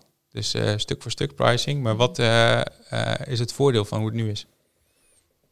Ja, exponentiële groei zou ik Ja. zeggen. Klopt. Ja, jij als marktpartij, als je een miljoen downloads hebt, dan hoef je niet bang te zijn voor een rekening van Apple. Nee. En eh, dat, dat zou het voordeel zijn van het huidige model. Mhm. Dus een makkelijke toe- toetreding tot de markt. Precies. Ja, want Ja. we kennen, ik weet niet of je dit verhaal kennen van Flappy Bird. Dat bestaat niet meer, toch? Nee, dat bestaat niet meer. Er waren telefoons, er ver- ja, telefoons verkocht met uh, Flappy Bird. Ja, dan ja, die zijn heel veel geld waard op, eh, op internet. Nog steeds, hè? Ja. Tot de dag van vandaag. Ik heb een keer zo'n arcadekast gezien die helemaal daarop bleek. In, in zo'n arcadehal ergens achter in Wellington in Nieuw-Zeeland. Ik dacht, wat uh, heeft Ja, er is nu- geld gemaakt? Er is nu wel ergens een soort van Snapchat filter dat je dan met je ogen Flappy Bird kan spelen. Maar dat is eigenlijk nog het enige. Dat is eh, wat van nagemaakt is, zeg maar. Want Ja, hij hij ja. heeft ook afstand ge- gedaan Mhm. van de rechten en zo. Hij wou er niets meer mee te maken hebben. Nee, maar dat, eh, eh, dat vond ik wel grappig van. Maar die, die jongen die had heel veel geld kunnen verdienen. Die heeft ook heel veel geld verdiend met een advertentietje die er bovenin stond. Oké. Heeft hij 15.000 dollar per dag verdiende hij daarmee op een bepaald moment. Ja. Maar ehm, ehm, eh, waar wou ik naartoe met mijn verhaal? Ja, Ken je het verhaal van Flappy Bird? Nee, nou ja, hij heeft dus heel veel downloads gehad en dus wel heel veel inkomsten gehad en dus Mhm. geen kosten verder daarvan gehad. Dus dat, dat zou het voordeel dan zijn Ja. van het eh, eh, model wat er, eh, wat, wat, wat er nu is. Ja, ik denk dat als je het voordeel van, eh, van, van, van de App Store op dit moment ehm, eh, eh, afzet tegen de, de, de nadelen van het relatief veel geld betalen, dat eigenlijk ehm, voor de meeste developers die 30% eh, wel prima is, tot op een bepaald niveau waarop je volume gaat draaien, eh, dat je, dan, dan kun je er wel nou, in je business wel echt last eh, van gaan. het is wel na een jaar gaat het omlaag, hè? Dan gaat het naar 15% Ja, ja. Dus dan, dan is het al wel een heel stuk Dat is wel heel lief. Dat is wel Ja, heel lief dat- voor een bedrijf van 150 miljard Ja. op de besparing. ja, maar dat is natuurlijk een beetje de vraag. Hè? Ja. Het, het ga, ja, vond die hele discussie eh, over fair. Toen dacht ik, ja jongens, daar moet het gewoon niet over gaan. Want wat fair of niet fair is, dat is in dit geval gewoon minder eh, relevant. Er is een partij die heeft iets in de markt gezet. Je kunt daar gebruik van maken of niet. Ehm, Ja, maar de vraag is dus of je er nog omheen kan of niet. Nou, dat vind ik dus een interessante discussie. En Mhm. ik, ik denk oprecht dat eh, men al een redelijk duidelijk beeld heeft, zowel aan de kant van de Antitrust Mhm. Committee als aan de kant van Apple Legal. Dat ze al een redelijk duidelijk beeld hebben van hoe dit uit gaat spelen. Maar ik denk dat voor Apple de, eh, de rit uitzitten en gewoon, hè, Ja. bij wijze van spreken, zo lang mogelijk frustreren of in, eh, in discussie gaan, er uiteindelijk toe leidt dat ze nog een, een tijdje extra eh, 200 kunnen blijven rijden. En dan op een gegeven moment dan moeten ze even terugschakelen en eh, wat meer doen wat de markt acceptabel vindt. En dan hebben ze waarschijnlijk zo'n grote voorsprong opgebouwd dat ze voor de komende generatie goed zitten qua eh, nieuwe innovaties en andere dingen. Ze kunnen weer investeren, kunnen ze nu ook al, maar ze gaan die, ze gaan die pot gewoon maximaal bufferen. Dat vermoeden heb ik. Ja, Max, het eh, on- onderste kant proberen te halen wat dit betreft. Dat denk ik. En Ja. als je nou kijkt naar de belangen van Apple als bedrijf en shareholders en al- ja, neem het eens kwalijk. Weet je, of het netjes is of niet, wil ik echt geen oordeel over vellen. Ik zou het zelf ook anders doen. Wij hebben binnen Peperzaak ook altijd anders gekeken naar dit soort processen. Nee, die bij Boeku volgens mij ook. Ja, Ja. Het- wij kijken er heel uh, Gronings naar allemaal. Nou, Nederland. Nuchter. Ja, wij ook. En wij hebben altijd gezegd, eh, de kerk moet een beetje midden in het dorp blijven. precies. Eh, maar tegelijkertijd, als er bedrijven zijn die een andere instelling hebben dan omdat wij dat niet doen, kunnen wij wat mij betreft niet zeggen dat daarom die bedrijven niet goed zijn. En Eens. ehm, als alternatief, hè, wat Apple zegt van er zijn genoeg alternatieven als je buiten ons om wil. Bijvoorbeeld eh, een, eh, zo'n webapplicatie bouwen. Mhm. Zou dat kunnen met jullie DRM-tools die je nodig hebt? Ja, wij hebben ook een webapplicatie, zeker. Maar ook die offline functioneert ook in Die Afrika? niet. Nee, nee, nee. Nee, dat is namelijk wel een beetje het punt. Dat is het punt inderdaad. In, eh, we werken natuurlijk in eh, situaties waar nou, een hoop van de studenten gewoon of echt heel slecht internet hebben thuis of gewoon niet. Of op school wel en thuis niet. Precies. Ja. Dus wat je ziet bijvoorbeeld vrijdag, eh, in, in, dan, dan gaan mensen downloaden, zeg maar. Dan downloaden ze net zoals bij Spotify, zeg maar. Je muziek downloaden als je het vliegtuig in gaat, dan downloaden ze 20 boeken. En die gebruiken ze dan thuis. En dan maandag dan komen ze weer online en zinkt alles weer. En dan kunnen wij de payouts doen naar de, eh, zeg maar, eh, naar de uitgevers. Dus eh, ja, offline gebruik in de apps is echt cruciaal. En Ja, het zal dus- alleen nog maar meer worden. Dus het is zeg maar voor jullie eigenlijk helemaal... Het is gewoon niet waar dat er een alternatief bestaat met dat... Nope. Nee, in Nederland zou je het nog inderdaad kunnen argumenteren van ja, weet je, kom op, iedereen heeft goed internet en dan zou je het kunnen zeggen. Maar in, in, in die landen waar we opereren, nee, dan er is geen alternatief. Oké. Dat is Nou, een dan- heel duidelijk antwoord. Ja, we moeten een beetje richting de afsluiting. En ik weet dat Dirk Ja, nog een paar dingen heeft. En ik heb ook nog zoveel vragen. Ja, want jij Oh. zei Spotify komen we later nog op, maar dat was ook een ding. Eh, ja, je bedoelt het relletje tussen Spotify ja, en Apple. ik heb nog niet zo heel vaak een officiële verklaring vanuit Apple gelezen die ingaan op dat soort aantijgingen. Dat hebben ze in 2019 met Spotify dus wel gedaan. En wat was de quote die je had? Ehm, nou, wat ik dus in dat verhaal teruglees van Apple, en ik vind de toon hoe ze dat persbericht ooit hebben geschreven. Ehm, hier staat bijvoorbeeld: Spotify is wel meer vergeten te vertellen. Ja. Nou, dat, oké, ja, ik weet niet. Daar, Want dat is eh, Apple die van zich is- afbijt. dat, ja, dat is inderdaad van je afbijt. Ja, ja. daar was ik dus echt wel een beetje van onder de indruk. En ze hebben ook bijvoorbeeld een bepaald kop onder een, eh, een alinea, of boven een alinea staan. En staat, Spotify wil alle voordelen van een gratis app zonder echt gratis te zijn. En daarin zegt Apple ook nog dat ehm 84% van alle apps in de App Store eigenlijk helemaal geen Apple belasting betaalt. En Nee. dat dat kleine percentage wat dan over is, dat dat met die 30% eh, te maken heeft. Ja, maar is het dan, dan is, van, vind ik dus de vraag of het Mhm. eerlijk is om, die, om dat op dat kleine percentage af te schuiven. Ja. Of dat je die hele grote jongens ook mee moet laten betalen, zoals Spotify. Ja. Ja, goed, Apple staat er natuurlijk wel onbekend. Hè. Ze kunnen Mhm. wel bitchy zijn, want ze hebben bijvoorbeeld ook eh, de reject voor eh, eh, de Hey-app eerst naar de pers gestuurd, voordat ze die naar eh, Hey zelf gestuurd hebben. Ja, dus ze ja, hebben ja. die app gewoon afgewezen en dachten, ja, Ja. fuck this. Als wij nu eerst eh, eh, Hey gaan, gaan inlichten, Mhm. dan gaan zij direct naar de pers en uh, huilie huilie doen. Dus weet je wat, wij gaan eerst Wij naar de gaan eerst wel even naar de pers ons verhaal doen. Ja, en dan, eh, dan dus, mag je heen. Slim hoor. Ja, Ja. ja. Ja. ja, Dat je in lijn, in lijn met hoe de founder was. Met Steve Jobs. Ja, ja, Ja, want Die, die, een leuke meneer. Nou op zich, eh, ik vond het wel, eh, hij, heeft de wereld wel op een positieve manier veranderd. Absoluut. Maar dat het niet een hele vriendelijke man was, dat geloof ik ook wel. Dat zeg ik. Ja. Oké, ehm, dan gaan we nu wel echt naar de afsluiting. Ja. Dirk, jij had nog, eh, jij had nog een punt. Ja, ik heb. eh, ik dacht, ik, ik heb eigenlijk twee dingen. Ik heb eh, aan de ene kant een hulpvraag aan jullie. En ik dacht, als ik dat nou gewoon een keer stel, dan moet ik ervoor betalen. Dus laat ik het gewoon in de podcast doen. En dan kunnen jullie toch geen nee zeggen, want het is live. 100 euro, hè? Ja, dat is Nee, goed. 1000 euro, zei Linda, Ja, toch? 1000 euro 1000 voor 10 euro seconden, voor 10 hè? seconden. Ja, voor de challenge, toch? Maar, nee, nee, nee, nee. nee. dat, dat kun je vragen voor een Instagram story Oh, post. scheisse. nou, dank je Linda. Dan ben, eh, zijn we dus nu 1000 euro lichter. Maar de vraag was dus heel concreet of jullie... eh, we zijn op het kasteel met heel veel mooie dingen bezig. eh, eh, eh, op het gebied van streaming onder andere ook. Mhm. We willen heel graag ook een beetje een podcaststudiootje inrichten... die we dan eh, voor docenten, studenten eh, eh, kunnen gebruiken. Maar ook voor derden. Dus als er andere mensen zijn die zeggen... nou, we willen wel een keer een podcast opnemen... zoals Mhm. jullie dat ook doen... dan willen wij daar wel een faciliterende rol in spelen. Dus eigenlijk weten we gewoon nog veel te weinig van podcasts... Dus onze vraag was heel eenvoudig of jullie een boodschappenlijstje voor ons willen maken met spulletjes die we nodig hebben. En of jullie dan Oh. aansluitend ook een keer een masterclass willen komen geven voor betrokken docenten, studenten en wie het allemaal interessant vindt. Over hoe maken we nou een goede podcast? Want dat hebben jullie natuurlijk wel voor elkaar gekregen, 17 afleveringen verder. Nou, dankjewel voor dat grote compliment. Ja, dit is echt heel en leuk. eh, En ik, wil graag daar wel 1000 bij. euro korting. 1000 euro korting erop. Op deze deal. Ja, deze deze deal. kost 1000 Oh ja, euro. Dus, eh, Oh, Nee, dus maar wij gaan voor- lesgeven, voor het, eh, voor het onder, onder, onderwijs doe ik altijd wel een stapje harder. Ja. Eh, en Tjada volgens mij ook wel. ja. En eh, eh, dus dit... eh, ehm, dit Challenge zeg, zeg, maar gewoon ja. Nee, nee, nee, de Als het challenge dan komt nog. monetized wordt, dan Ah. daarna jullie challenge 30% daarna gewoon. Bij als, eh, Bre- Breng ons niet op ideeën, hè? Ja, we zouden Groningen wel, blijven, toch? Maar je moet alles kopen met van die baks... eh, eh, Ja, dat boodschappenlijstje is ook nog wel een dingetje, hoor. Oké, Ja. Ja, maar dat komt goed, we gaan helpen. oké. Ik heb nog een boodschappenlijstje van onze spin-off show. Ja. Ja, nou, daar ben ik ook heel benieuwd naar. Dat gaat volgens mij geniaal worden, want eh, ik weet wie daar achter de knoppen gaat zitten. Drie keer vierkant. Oh Jos, what have you done now? Ehm, maar goed, dat is jezus. dit is ook weer zo'n dingetje. Moest dit nou? Iemand moest het toch zeggen? Nou goed, oké, ehm, goed. Dan heb ik ook nog een challenge eh, voor jullie. En daarvoor moet ik even zorgen, moet je maar even mijn microfoon eh, muten.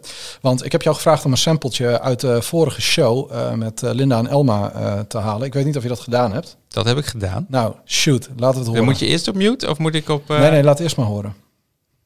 Om kunnen gaan. Dat is het ook. Ja. Maar het is ook heel lastig te vergelijken. Hè? Ja. Als je zeg maar bedragen noemt. En jij zit wel echt ook heel erg in een niche. Hè? Ja. Je hebt, wat dat betreft heb je echt super weinig concurrentie. Ja. Dus als er een aanvraag is vanuit een bepaalde samenwerking, dan zijn er waarschijnlijk heel weinig kandidaten. En ook die het willen doen voor. Dus Mhm. hè, dan Absoluut. je kan denk ik niet zeggen van ja, met zoveel volgers, Volgers. kun je zo. Nou, dat was het eh, stukje. Dat was het stukje. En ik heb jullie alle twee een beetje voor het oogje gehouden. Want eh, ik wilde de quote van Elma hebben waarin stond heel weinig kandidaten. Ja. Want wat jullie alle twee gewoon over het hoofd gezien hebben. En een show die bestaat uit legends, dat moet ook, die moet ook gewoon legendary dingen hebben. Ja. En exact die woorden van Elma, heel weinig kandidaten, dat was jullie duizendste minuut 20 voor 12 podcast. Nee, echt waar? Dus Hebben wij duizend minuten? ja, Dat is duizend minuten. veel. Dat is echt veel. Dus ik ga eventjes staan en dan ga jij Ja. even muten, zodat niet iedereen... eh straks Even kijken, jij was kanaaltje drie, hè? bleeding Ja? eardrums. Oh, duizend. Wij gaan... Oh, confetti's Oh, op de livestream te zien. Oh, wauw. Dus nu hebben jullie confetti gehad. En Het Sorry, is papier, mensen. Het is ja. papier. Oh, nu hebben jullie dus confetti gehad. wat een is, mijlpaal. is iedereen thuis doof? Nee, nee, nee. Ik had, Zit ik had laptop onder de shit. Oh, Anyhow, hier zit dus een challenge bij, jongens. Ja? Want eh, ja, Legends moeten dus iets legendaries hebben, wat mij betreft. En jullie zijn op weg eh, eh, met een leuk idee en duizend minuten verder. Dus, ehm, mijn challenge aan jullie is om iedere duizendste minuut een paar catchy woorden uit die duizendste minuut eruit te halen. In dit geval is dat dus Elma, eh, die vereeuwigd wordt met haar heel weinig kandidaten. Op een tegeltje te drukken. En dan moet er ergens een tegelwandje komen met iedere duizendste. Dus nu is het de eerste duizend. En bij de Oh. tweeduizendste minuut halen Ja. jullie drie of vier woorden uit. En die gaat weer op een tegeltje aan de wand. ik wilde die muur vullen die dan eh, rechts van jou zit. Met iets van de podcast. Maar dit is dus wel... Dit, Dit dat, is echt een goed idee. dat is Dan doen, we, dan deze. doen we alle... eh, Ja. We maken van iedereen die hier komt, maken we een Polaroid-foto. Die doen we er ook bij. Die doen we erbij. En eh, die komen er allemaal tussen. En als er weer een duizendste is, dan zit er een tegeltje met die woorden. En dan gaat het weer verder. Dan wordt Ja. het een soort timeline. Dit is een goede... Ik vind het een hele leuke challenge. Ik vind het ook heel leuk. Loopt eerste dus door, hè? Tot zolang als Wij, jullie wij leven. zijn daar gewoon nooit bij stil gaan staan. Nee, we hebben ooit wel een keer opgeteld eh, hoeveel Ja. luisteraars we hebben en hoeveel minuten we opgenomen hebben en hoeveel hours wasted eh, van iedereen we eh, opgemaakt hebben. Die hebben we wel een keer opgeteld. Dat zijn ook heel veel. Het zijn echt honderdduizend. Ja, klopt. Maar ja, Nou, ik Leuk. belde onze jarige Job vanmiddag dus. En ik zei van, hebben Peppy en Kokkie daar iets over gezegd? Dat ze hun duizendste minuut hadden. Hij zei, nou, dat weet ik eigenlijk niet. Kan ik me niet zo herinneren. Ik dacht van, nou, dan zijn ze dat waarschijnlijk gewoon... eh, zijn ze daar zomaar voorbij gegaan. Dus dan bij deze... Het was dus in de vorige aflevering. Ja. Dus jullie zijn nu al op weg naar de 2000. Mhm. Oh, dit, eh, dit wordt een mooie muur. Ja. En het was dus 43 minuten en 37 seconden in aflevering 16. Dus dat is dan bij deze Hoe, even... hoe ben jij daar zo achter gekomen? Ja, noeste arbeid. Ik eh, keek ernaar en ik dacht van, hé, hey, dat is een uur en nog een uur, dat is zoveel minuten. Ik moet wat leuks bedenken, want de Legends moeten iets legendary hebben. Toen dacht ik, weet je wat, ze zouden misschien wel eens in de Oh. buurt van duizend minuten kunnen komen. Dus ik was aan het hopen dat het deze aflevering zou zijn, want dan had ik het gewoon Ja. weer in de show Wat ik gedaan. Yes, Maar let's was go. het, was het zuivere speeltijd? Het was Spotify speeltijd. Eh, maar wij knippen ook niet, hè? wij knippen niet. Nee. Dus alles is wel. zuiver. Maar- Behalve de eerste episode. Ik hebben wou, ik wou net zeggen, want bij de eerste episode stond dus geknipt. Ja, ja, ja, ja, Maar toen hadden we veel te lang telefonisch interview met eh, Jos van Essen. oh ja, dat was hilarisch.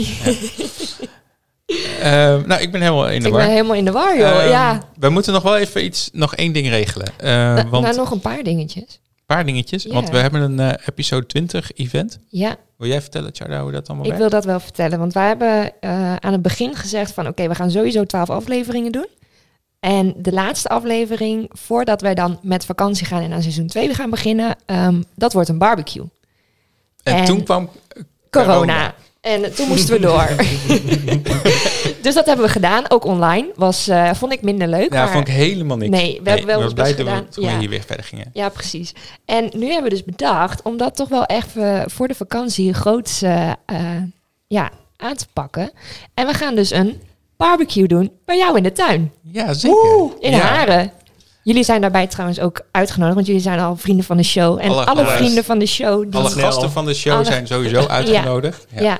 en dat gaan we dus doen bij jou in de tuin met een barbecue. En dus de episode wordt daar gedaan. Eh, waarbij wij dan de gasten zijn. En eigenlijk de rest is de host. Dat was een beetje het idee. We Ja. gaan wel, eh, denk ik, even een hoofdhost aanwijzen die dat dan Misschien verder mag gaan organiseren. Want anders wordt het één grote bende. en een eh, podcast van eh 3,5, eh 4 uur. Ehm, en we willen natuurlijk niet luisteraars kwijtraken, anders beginnen we zo vervelend met onze season 2. ja, dat klopt. Maar eh, eh, volgens mij was het datum, de voorlopige datum is eh 31 juli. Heb ik al wel gecommuniceerd met onze vrienden Ja. uit, uit het westen. Ja. Even eh, kijken hoor, of ze al eh, hadden gereageerd daarop. Ja, want we hebben een stukje stand-up comedy. Ja. En eh, misschien eh, iemand die liedjes komt zingen. Nou, dat is Bart en Maarten, die hebben we uitgenodigd. Die doen comedy en dat kan vanwege corona ook allemaal niet. Dus nou, kom eh, graag naar Groningen toe. We hebben dan eh, liedjes, die moeten we nog even fixen. Dat, maar dat komt wel goed. Eh, eten en drinken. Eten en drinken. En eh, eh, we krijgen nog eh, vanuit de gemeente Groningen eh, wat hints over wat er nou wel en niet mag. Eh, Ja. Qua een, eh, een eh, feestje in de achtertuin. En dan gaan we met vakantie. En dan gaan we met vakantie en dan gaan we, dan gaan we nieuwe eh, jingles maken. Ja. En dan gaan we het format even tegen het licht houden. Maar volgens mij is het wel oké zo. Ja. En dat, dat is hem dan denk ik voor season 1. Maar dat is nog lang niet, hè? Dat is nog lang We hebben nog twee We hebben afleveringen nog te twee. gaan. eh, nee, ja, wel twee. Ja, we, eindigen met... 18, 19 Ja. en dan is 20. Ja. Ja. Nee, ik kan ook tellen. Ja, gelukkig wel. Ehm, en dan hebben we nog één ding. Ehm, wij eh, hebben eh, kaartjes voor de opname van Man Man de podcast Op in september. in september. En als jij nou denkt van, nou, ik wil wel met Joshua en Charda mee, dan kan dat. Maar ze moeten daar wel wat voor doen. We moeten daar wat voor doen. Eh, ons idee was, als jullie ons meenemen uit eten, dan, eh, eh, en dat betalen, dan betalen wij de kaartjes van Man Man de podcast. En dan gaan we leuk met z'n vieren daar naartoe. Ja. Dus ehm, spreek wat leuks in, in de... in Niet de- via Instagram alsjeblieft, want dat kunnen we dus niet meer afspelen. Dat Via hebben we de- aan het begin van de show gemerkt. via de Telegram groep. Ja, Dus wees er snel bij. Als je live meekijkt, dan ben je de eerste, denk ik. En de eerste twee die dat doen, die, eh, die eh, kunnen met ons mee. Ja, en als je geen Telegram hebt, dan kun je ook een voiceberichtje naar Charda sturen eh, op WhatsApp. Dat kan op 06 38 12 25 31. Dit is zo'n random nummer. op, eh, op die bombshell eh wou ik hem dan eh, eindigen. Dankjewel gasten. Dank jullie wel. Dankjewel Charda voor weer superleuke co-host zijn. Dankjewel voor alle confetti en jullie gezelligheid. Was en echt tot over, eh, over twee weken. Bij Man, Man, Man, de podcast. Over drie jongens die uitzoeken hoe mannelijk ze eigenlijk zijn. Met Bas Louise, Chris Bergström en Domien Verschuren.